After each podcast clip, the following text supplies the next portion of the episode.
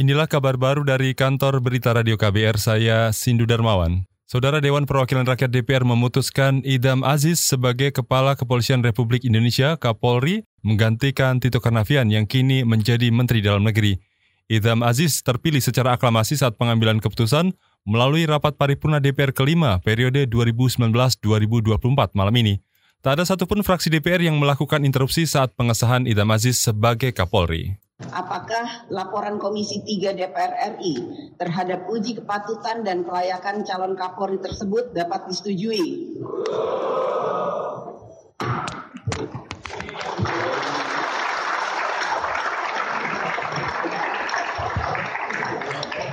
Terima kasih. Selanjutnya kami perkenalkan calon Kapolri.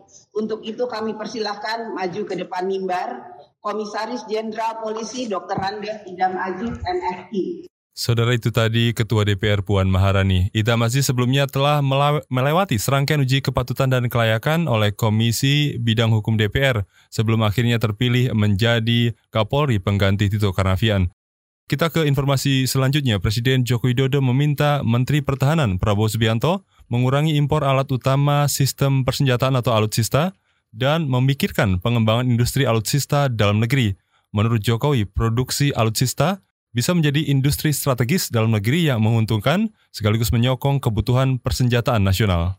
Kita harus betul-betul memanfaatkan belanja di bidang pertahanan untuk terutama memacu industrialisasi industri-industri strategis di dalam negeri dan juga untuk memenuhi minimum essential force yang sudah kita targetkan.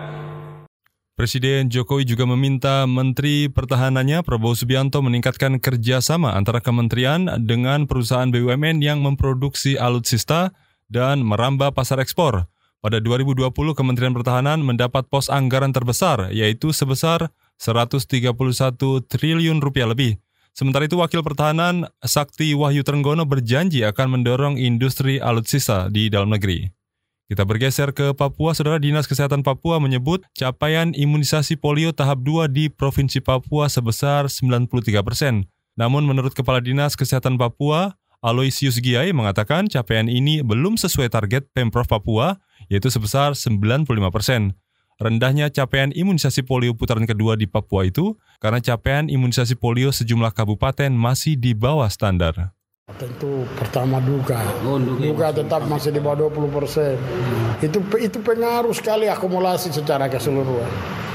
Kalau saya nanya duga juga naik sudah bisa 100 persen. Kepala Dinas Kesehatan Papua Aloysius Giai menyatakan, Dinas Kesehatan akan terus melakukan imunisasi polio di daerah yang cakupannya masih kurang.